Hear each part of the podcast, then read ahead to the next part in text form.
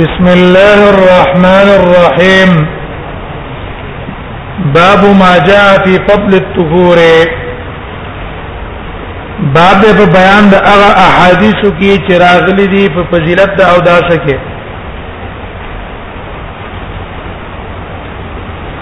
دا فضیلت د او داس هم تعلق لرلو ابواب الوضو سره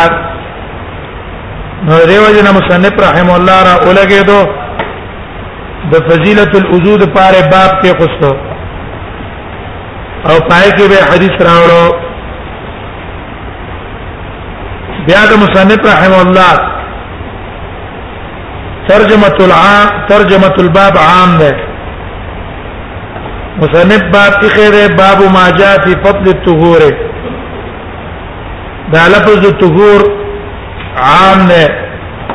شامل له او دس او غسل هم تا شامل له او دس او غسل هم هغه ته هم دغایت هم طهور وای لیکن په احادیث د باب کې صرف ذکر د او دس ته اذا توضا العبد المسلم او المؤمن نو احادیث خاص دي په فضیلت الوضو کې او امام ترمذی باب فضل الطهور عام کې قصه په دې کې مصنف اشاره وکړه ته ګوره ټیک د فضیلت صرف او دس ته ګوره دا فضیلت غسل ته هم شامل دی لکه رسته منګ وایو فی فضل الطهور فضل الشیء لکی ستا ما ما بقي منه دیوشینه چې کوم شی پاتې شي بیا رستو د فضل استعمال په زیادت کې راغله زیادت دلته ته مراد څه دی دلته د فضیلت نه مراد هغه کمال او برکت او دسته معنا هغه احادیث چې راغلي په فضیلت او په برکت او داسکه هغه بیان مصنف ترجمه الباب کې خصوص په دلیل لوري وبي قال حدثنا اسحاق بن موسى الانصاري اسحاق بن موسى الانصاري حافظ ذهبي په میزان کې وای چې کلم امام ترمذی په خپل کتاب کې ابن الانصاري ویلو ابن الانصاري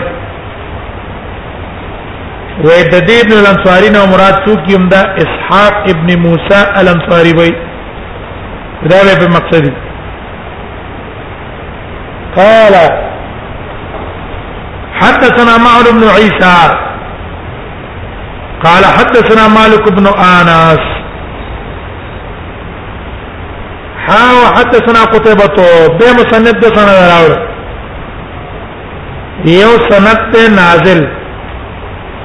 او یو سند ته عالی اول سند کې د مصنف او د امام مالک په منځ کې دوست اذان دي یو د اسحاق ابن موسی او دویم د معل ابن عیسی او په دې دویم سند کې د امام ترمذی او د امام مالک په منځ کې یو استاد دی قتيبه دیو نه ها راوړو ها حدثنا قتيبه عن مالک عن سهير بن ابي صالح د دوه سندونو دارو مدار په چا دی په امام مالک اول سند کې امام مالک استاد دی په دې دویم سند کې امام مالک استاد دی امام مالک دام هغه امام دی هغه ائمه او کې هغه ته نسبت ته یو مذهب شوی څلور امامان دي هغه ته نسبت ته مذهبونه شوی یو پکې امام بو حنیفه دی مذهب حنفی هغه ته منسوب دی یو امام شافعی دی مذهب شوافی هغه ته منسوب دی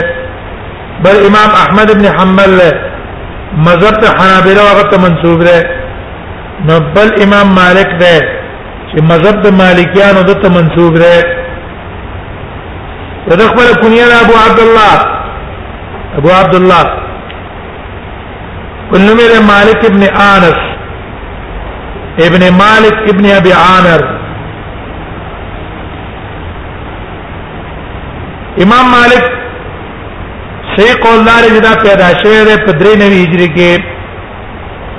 93 هجری هغه کال چې په کم کال باندې انس رضی الله عنه وفات شو خادم رسول الله دا وفات شو امام مالک نور کوټی وای نه علم طلب کړه دا پلار اصل کې په خو باندې شیلو او پوجي ګڼل او پیسې راغستل د دې په علم باندې لګول بیا د لار د مرګ نرسته مور له توجه ورکړي مور دغه خپل روایي وې ما ته مور را ولګېدلو جامې را تر واچولې جامې او راته ویل پټیم راته وتړل البسه امه احسن الثياب او تویل اي بني اذهب الى ربيعه ابن ابي عبد الرحمن وقال تلاشى وخذ من ادبه وسمته وخشوعه قبل ان تاخذ من علمه خذ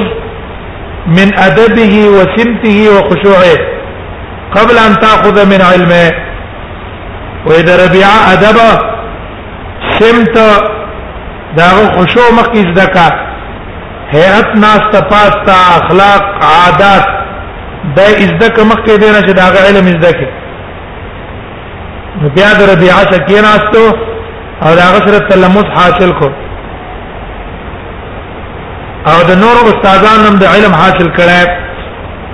نور استادانو نافعنا سعيد المقبرنا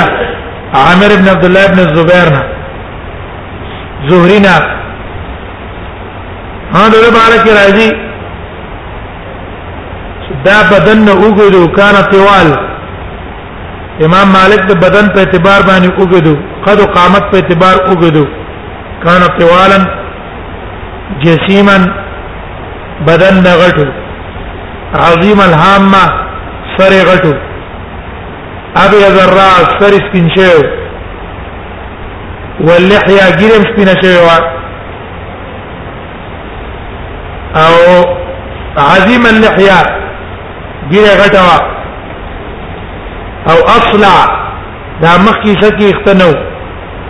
دا وتلو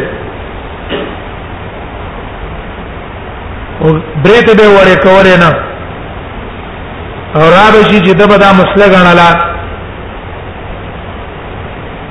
ورکوټي واری په عمر کې علم طلب کو او د ول سکال په عمر کې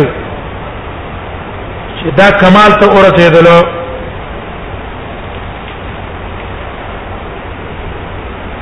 د هغه استادان علم حاصل کړی دی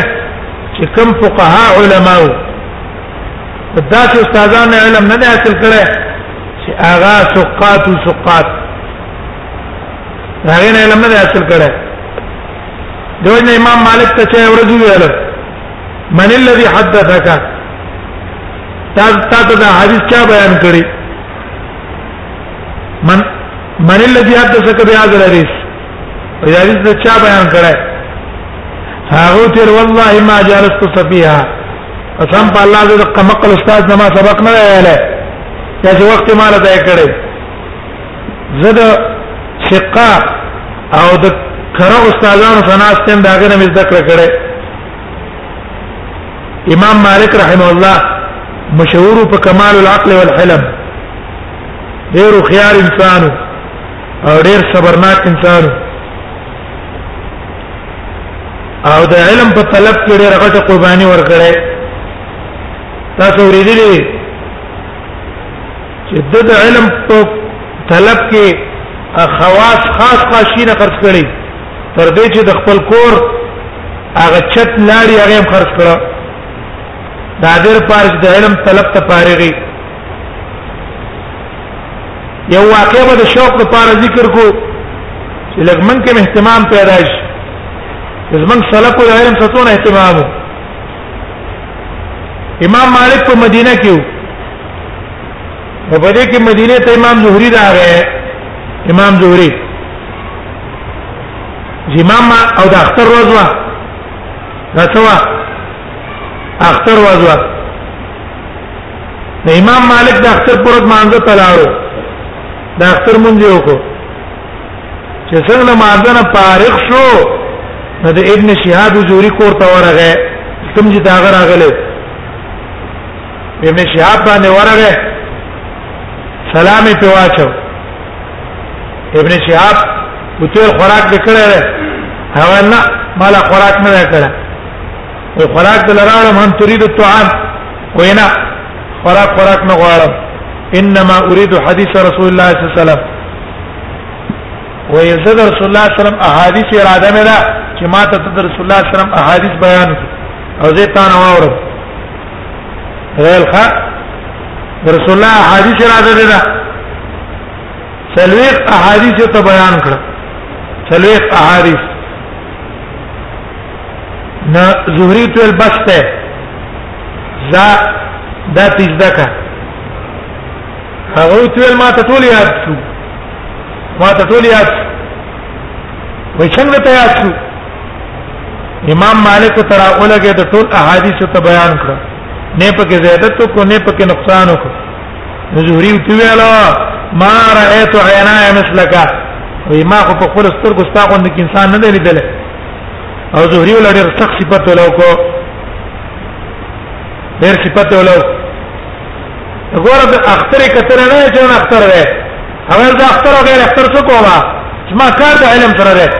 دیو جن که علم غواړي جره زه مولا شم او محقق عالم را نوزي ځان نه بپ دغه نه جوړه ناراسته به ځان نه جوړه چې بس یې دا د آرام ټیم دی او دا د پلان کې ټیم دی او دا د اختر ورځ ده نن دا د مرګرو ته تک وخت ته دا ګوره سخت زهر قاتل دی انسان لپاره ولا دا دعوتونه نه دي نن د پلان کې مرګري دعوت ته نن د پلان کې مرګري دعوت ته دا زهر قاتل دی عالم لپاره دار قاتل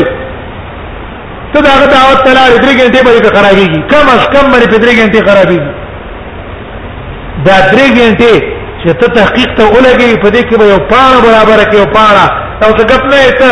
ته د حدیث برابرې او پاسانه برابر کې په دې یو یو صفحه چې مصنف یو صفحه لیکي کنه په دې صفحه باندې به دوه ورځې درې ورځې لګولې تا ته ماته ډوړې برابر کړه او ورځه اخرجوا فلان وفلان ورجحوا فلان وفلان هغه تا ته پاساره یې خو غریب په سره اختر کړي هغه کتاب کتل هغه کتل هغه کتل هغه کتل هغه هغه ټول دعوت کتل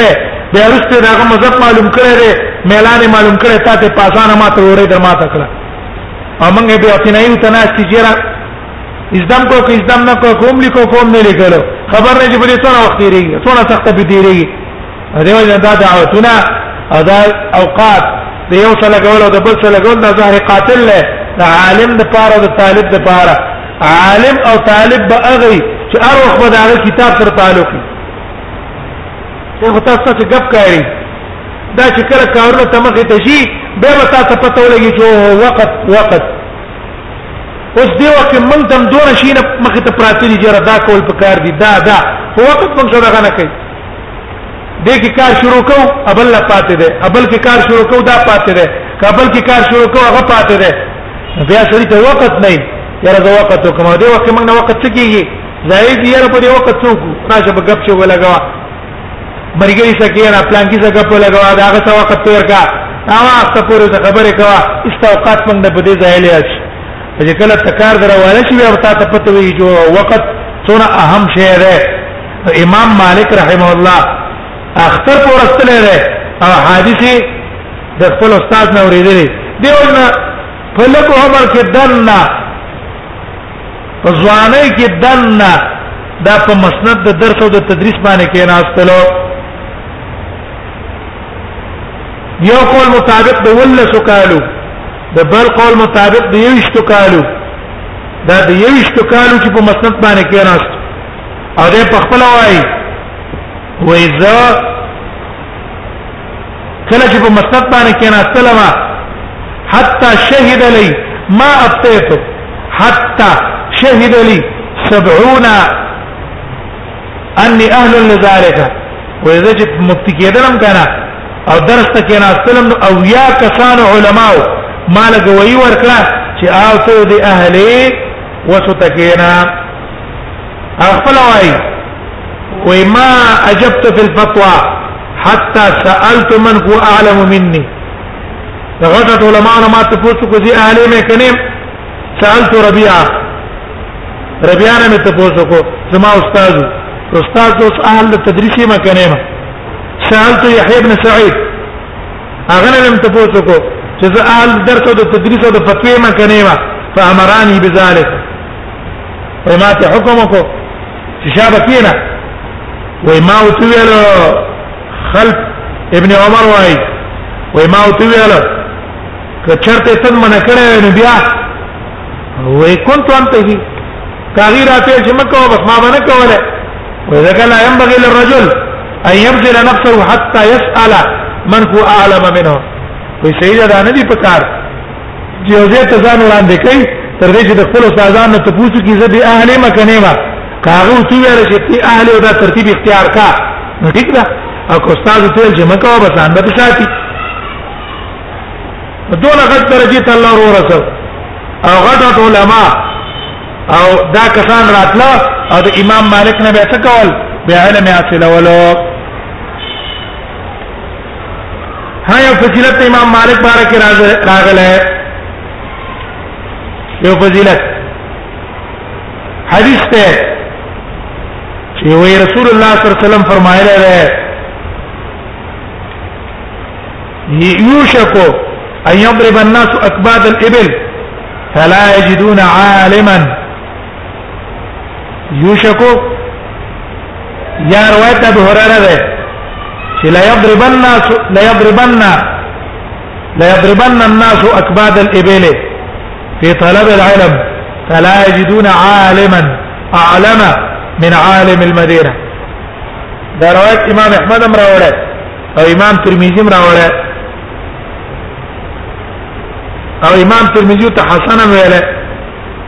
ابن حبان او بيقيم راوړل ابن حبان او تسيوي له امام حاکم او تسيوي له او زهبي سره موافقت کړي اگر که بعض علما په کلام کړي چې دا کمزور دی لیکن دی علما او تسيوي له د ابن عينه وايي وي كنت اقول وي اول کې ما ویل چې دی عالم نه مراد سعید بن مسیب دی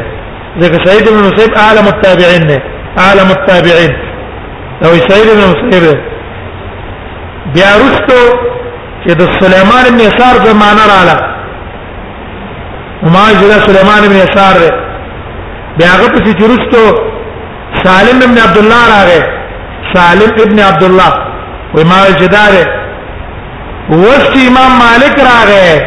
ما ته پته ولګېدلا چې دین مراد د امام مالک دی ولی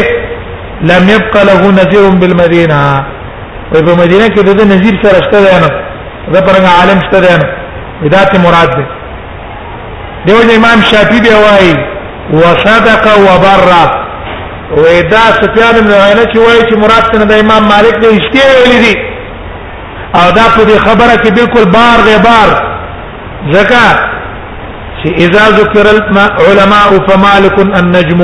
وکله چې د علماء ذکر کیږي نو امام مالک په شان ته د ستوري حیثیت لري ستوري لري هغه امام مالک باره کې راځي بل فضیلت بل فضیلت ته وی دغه وای خلف ابن عمر وزر امام مالک ابن انس را ناستوما وی په دې کې ابن ابي كثير چې دا د مدینه قاری او عالم دی هغه ولا راغی او یو خط ولا راغلو ولا وره امام مالک چې په خط کې وکتل نو استلام دې د مصری لاندې خط کې قص نو کسان چې ټول ته لاړ وې زم شروع شم چې امام مالک خوانه پاتې دم ما تل کېره یا خلفه ځان له چې شوم ما ته چټ راکو وې پاغه چټ کې ته دا خط لیکلی وو چې رأيت الليله في منامي دا عالم وې ما په نن خوب کې شپه کې خوب کولی دلو وې ما ته یو تنویر چې دا رسول الله صلی الله علیه وسلم نه په جمعات کې ناس ته او زه جمعات ته ورالم نو چې ومه قتل د نبی صلی الله علیه وسلم د قبر خوانه قبر کلاو شو او نبی صلی الله علیه وسلم ناس ته قبر کلاو شو رسول الله صلی الله علیه وسلم پکې ناس زه ورالم ما خلق مولرال ټول خلق تراجم شو په دې کې نبی صلی الله علیه وسلم ویل چې خلق ته وې د دې منبر لاندې زما یو خزانه ده خزانه ده او مالک ته وایي چې دا خزانه په خلق راواخلو په خلق باندې تقسیم کړي دا چې مالک ته وایي چې دا خزانه د منبر لاندې کومه پرته ده دا را واخلي او د خلکو په منځ کې تقسیم کړي نو امام مالک دا خط چې ولستري څه بجړا شو او ویل چې دا خزانه د رسول الله حدیث ته او نبی صلی الله علیه وسلم ته امر کړی چې خلکو باندې څه کما زه تقسیم کما دا دغه فضیلت نور فضائل دي امام مالک ډېر فضائل امام مالک دي علماء ذکر کړی دي دا امام مالک به په مدینه کې وفات شوی دی دا په ربیع الاول د ربیع الاول میاشوا سوار لسم د ربیع الاول سار ټیم کې وفات شوه دیم قول لا جنن په سفر کې وفات شوه سنه 79 و 100 سنه 79 و 100 یو سلو نه او یا کې د هارون رشید خلافتو او د مدینه گورنرو عبد الله ابن محمد ابن ابراهيم هغه په مونږ کړه ده دغه مدینه والیو او په بقي کې د پنځه او سم الته د قبر ده اتیا کال په عمر کې او یو غټه ذخیره امت تفریقه ده هغه ذخیرو کې غټه ذخیره موطا امام مالک ده او دا موطا امام مالک د بخاری نه مخکې علماء قول دا چې صح الكتب بعد کتاب الله وجه امام بخاری په بخاری ولیکلا نو بیا رست علما هغه خبره پرې خوستله او د امام بخاری قول باندې او کو چې اصح الكتب بعد کتاب الله دا خصوصیت امام بخاری له ور پرې شو دا امام مالک روایت نقل کړي د سهيل ابن ابي صالح نا سهيل ابن ابي صالح عن ابي دا سهيل ابن ابي صالح روایت کې د خپل پلار نا پلار څوک دی نومه زکوان دا پلار نوم دی زکوان نبی صالح ته کنیه ده خپل نوم یې زکوان دا امام ترمذی پرستو تصریح کړی په باب کې او دا زکوان ابو صالح السمعان الزیات متوي زیات تذکوي چې دبا کوفه ته تیل لاوړه او د تیلو تجارت به هم کاو دیو نو ته زیات وای عن ابي عن ابي هريره د ابو هريره داونه روایت ده د ابو هريره نوم او احوال رستو ذکر کو ځکه امام ترمذی په خپل وايي او ابو هريره اختلافو په اسمه الته بیان کو قال قال رسول الله صلى الله عليه وسلم دا ابو هريره وايي چې رسول الله صلی الله علیه وسلم فرمایلی دی اذا توضا العبد المسلم او المؤمن اذا توضا العبد المؤمن او المسلم وکله چې او دڅو کې بندا مسلمان یا مؤمن دا اور اغله ده اذا توضا دا او بر کله استعمالي کې د پاره د تنويع احادیث کې کله څه استعماليږي د تنويع معنا رسول الله صلی الله علیه وسلم دا ډول قسم الفاظ استعمال کړي یادا یادا الت او د پاره د تنويع او کله او استعماليږي د پاره د شک د راوي شکی چې آیا لفظ د مسلم ویل دی او که لفظ د مؤمن ویل دی نو دلته یا رست لفظ راځي نظر الیه بعینه مع الماء او مع اخر قطر الماء ندا او دا دوار اونا د پاره تنویع دي که د شک دي امام نووي وايي چې دلته لفظ د مسلم یا د مؤمن یا مع الماء یا مع اخر قطر الماء دا ځوان الفاظ اصل کې د پاره د شک دي شک چې راوي شک ده چې رسول الله صلی الله علیه وسلم لفظ د مسلم استعمال کړي که مؤمن استعمال کړي اي رسول الله صلی الله علیه وسلم لپس د ما مع الماء ویله او کوم اخر قطر الماء ویله دا او د پاره د شک ده او دا شک ول استعمالي شک دا شک استعمال ول دلالت کوي په دې چې روات حتى الوثق کوشش کوي چې هغه الفاظ استعمال کړي چې کوم د رسول الله صلی الله علیه وسلم نه نقلي هذا ابن مؤمن او د مسلم دا یو معنا ده ولی راجح قول دا ده چې اسلام او ایمان الفاظ مترادف دي کله چې ځان له ذکر کړی شي نو د مسلم نه مؤمن مراد ده او د مسلم نه مؤمن مراد ده مؤمن نه مسلم مسلم نه مؤمن اذا افترق اتحد واذا اتحد بسوى اذا افترق اجتمع واذا اجتمع افترق هغه یو ځای کې دوه استعمال شو فرق به کې او کې جدا جدا رال معنی یو د فرق به نه کې دلتم دادی دا اشاره شو اهتمام د روات په الفاظ د رسول الله صلی الله علیه وسلم به لفظ د عبد استعمال کو نو د عبد نه مراد دا نه دی چې دا فضیلت صرف سړي د پاره ده بلکې دا فضیلت د زنانو د پاره ده ولی النساء شقائق الرجال النساء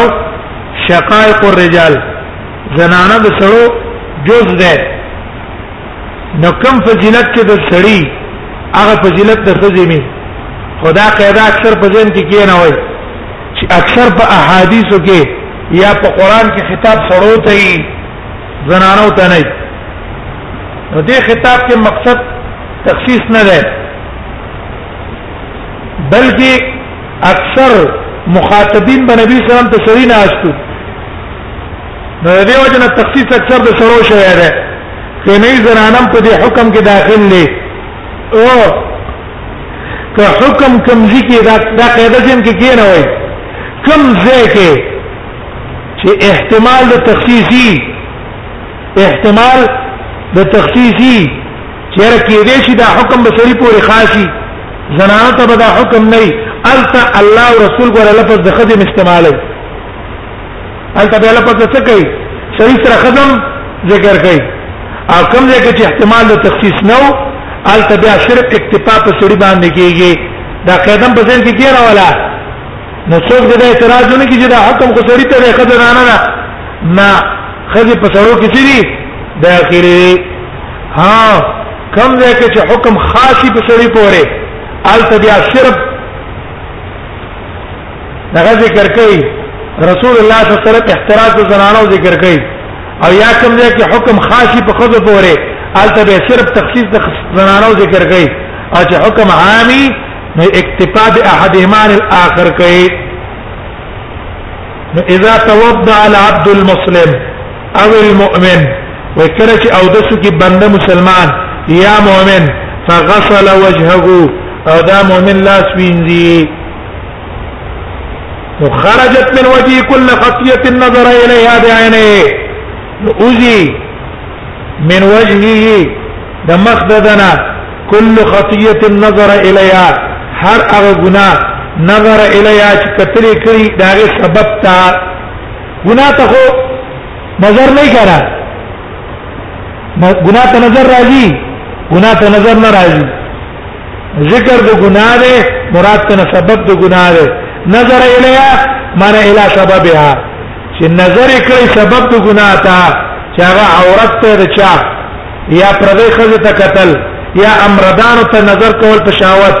یا هغه جنو ته نظر چې شریعت هغه نه منع کړي نو کله دې نظر نه کوم ګناه پیدا شوی دا نو دا اوزی مع الماء او مع اخر قطر الماء سره د اوبونا یا د اخر څاڅ کې د اوبونا او د پاره شک ده مخکې موږ ویل کړه مع الماء معنا سره یا رسول الله صلی الله علیه وسلم لفظ ما ویله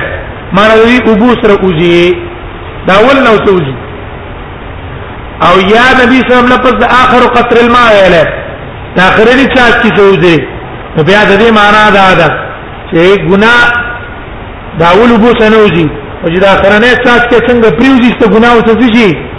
ټول اوس پریوځي ما اخر قطر الماء او نحو هذا یا دقه چې الفاظ نبی صلی الله علیه وسلم استعمال کړی دی او تراشه ظاهر الفاظ چې موږ وګورو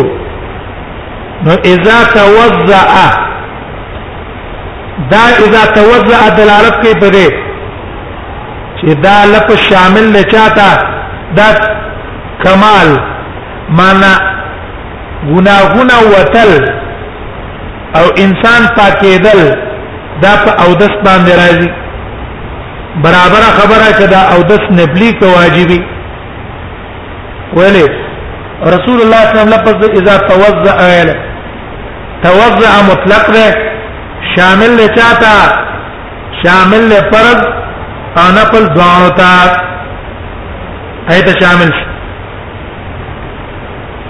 دوه مسله غدا ده چې یو سره را اولګي د غسل وکاو غسل او د غسل نه مخکې او د سکو نو په دک او دس باندې کوم د انسان نه دا ګناه راځيږي ولی وجدادا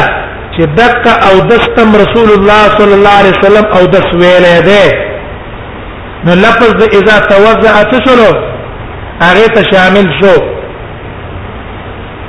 حدیث دا عمر بن خطاب دی عمر بن خطاب ته نبی صلی الله علیه وسلم ته پوښتنه کوي چې اې دا الله نبی اينام احدنا وهو جنب یو تن زمنګا حالت جنابت کې ده آیا د لپاره په حالت جنابت کې او د کېدل جایز دي او کنا په غیر حالت جنابت کې جایز نه دي رسول الله صلی الله علیه وسلم ته ویل نبی صلی الله علیه وسلم توزع واغسل واغسل ذکرك توزع واغسل ذكرك ثم نم و یا ول او د سوکا بیا استنجا وکا بیا د تو د پاره د ترتیب نه ده ولې بل روایت کې دي چې مخکې استنجا وکا یکسل ذکرک ثم توضا اول استنجا وکا به رسته او د سوکا به اودس نګوره د حدیث د ابن عمر کې دقه او دس کې پالت جنابت کې د رسول الله صلی الله علیه وسلم څو ویل دې ته رسول الله صلی الله علیه وسلم او د ویلو توزع او د سوګه نو چې هغه ته او د ویلو اذا توزع العبد المسلم کې څه شلو داخل شو دا فضیلت چې په او دس باندې کم ګناهونه راځيږي دا په دقه او دسم راځيږي چې کم ته په حالت د جنابت کې کم او دس کې درېمه مسله هغه ده چې دلته خو نبی صلی الله علیه وسلم دا فضیلت د او دس بیان کو یو سره را اولګي د جنوب ده او د جنابت نه غسل وکړو نو آیا په دې غسل باندې دا تکفیر السیئات کیږي که نه کیږي آیا په دې غسل باندې دا تکفیر السیئات کیږي که نه کیږي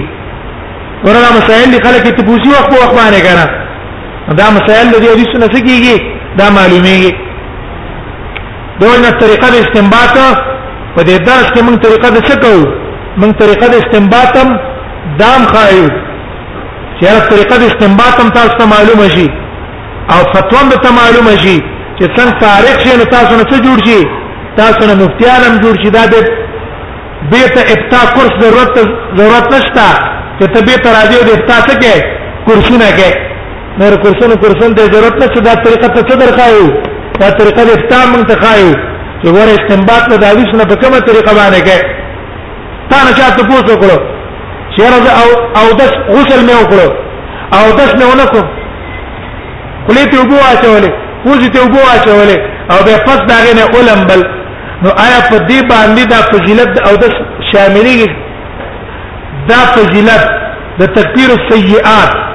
په دې غسل د جنابت باندې انسان ته حاصلېږي کنه نو امام ترمذی عنوان عام کې خوستو کې نه خوستو بابو فضل الطهور دا طهور غسل ته شامل وکړو هغه تم شامل له او حال دار چې پادیس کې لپس د سره غله اذا توضع العبد نه جواب دا غي نه دا شو من ته استنباط وکړو چې په دې تکفیر سیئات په دې غسل د جنابت هم شاملېږي ولی د ټول علما اتفاق دی په دې چې یو سره خلیته وبو اچولې او پوزې ته وبو اچولې او بیا په ټول بدن اوبر واړولې په نیت د سمانه د طهارت من الجنابه چې زه د جنابت نه پاک شم نو په دې غسل باندې ولمون جائز ده کنه جائز جائز دی ولی رسول الله صلی الله علیه وسلم فرمای من توضا بعد الغسل فليس منا من توضا بعد الغسل او دس د غسل نه رسټو چې او دسو کو دا څنګه نه نه ده او امام داود په باب کې دي چې دا او غسل نه رسټو او د سنت نه ده نو خو دقه غسل کافي شو کنه دا غسل څه شو کافي شو په زیاده او دس نو چې کافي شو په زیاده او دس باندې نو اذا توضا العبد المسلم تسشلو شامل شو سشلو شامل شو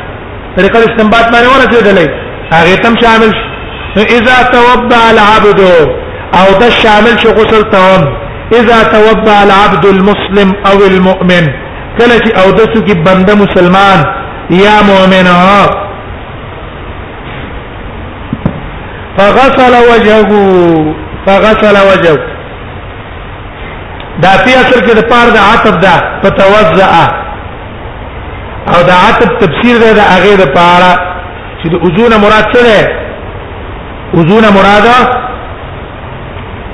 انزل دي د مخ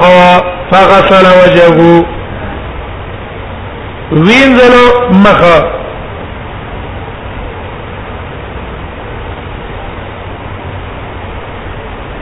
خرجت كل من وجهه كل خطيه نظر اليها نو ازيد د مخنا كل خطيه النظر اليها بعينه هر هغه ګناه ته چې دو ته کتلی په خپل سترګو په خپل سترګو څه کړی وته کتلی خطیه څه ته وای خطیه نو خطیه ضد د ثواب خطیه د خطا نه ماخوذ ده ضد الثواب ته مراد ته نه ما يخالف الثواب برابر خبره ده کتا د دې ثواب نه مخالفت عمدن کړی او که خطا ان کړی دا په څه لګي خطا اے مخالفت د ثواب نه تا وکړو کدا مخالفتن عمدنی او کدا مخالفتن غیر عمدی خطا انی دعا ته خطا ویل کیږي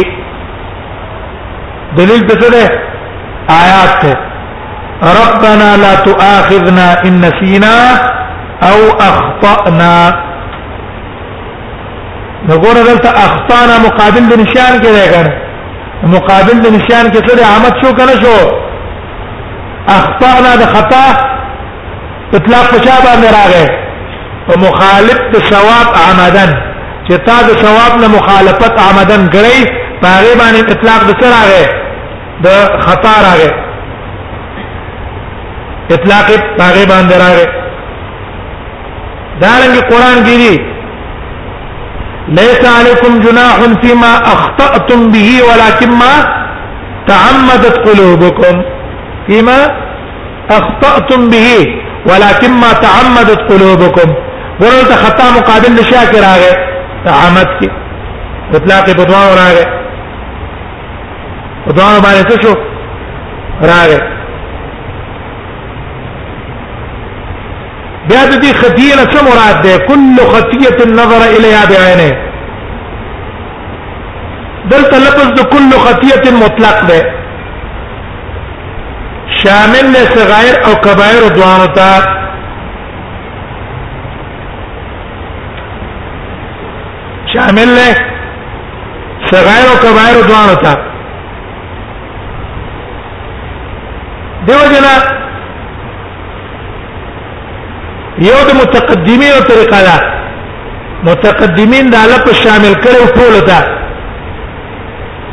لیکن رسو متأخرین چې پاک امام نووي نه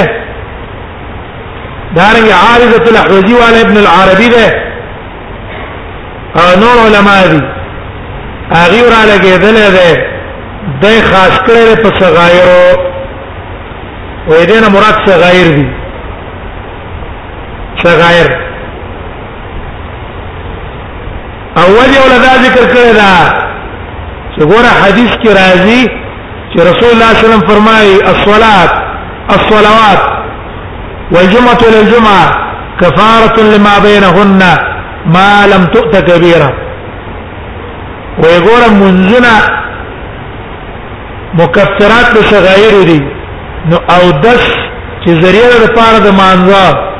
نو هغه مکفر د صغیره شو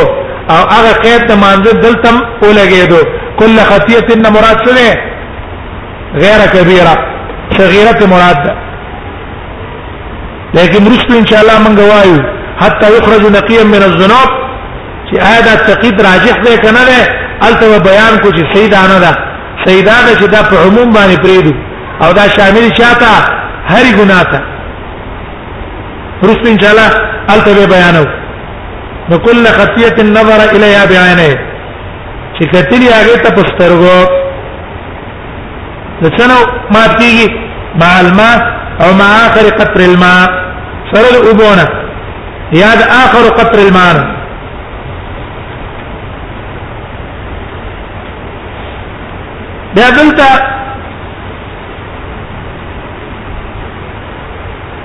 خروج نه څه مراد ده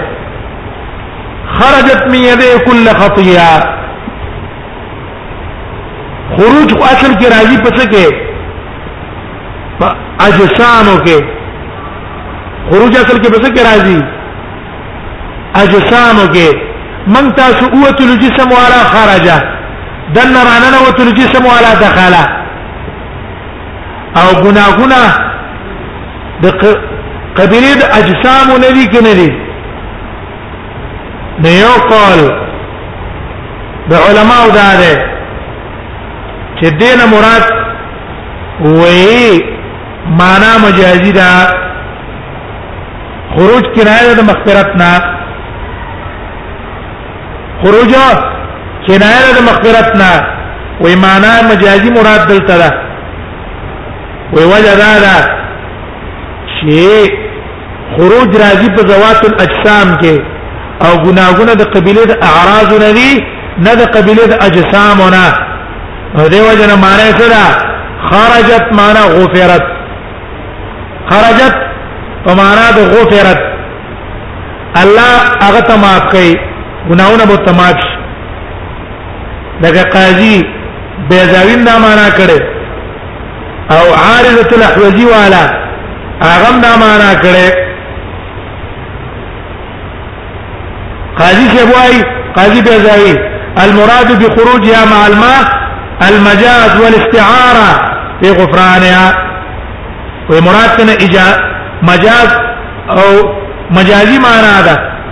مغفرت ته لانها ليست باجسام فتخرج حقيقه واذا كذا اجسام ندي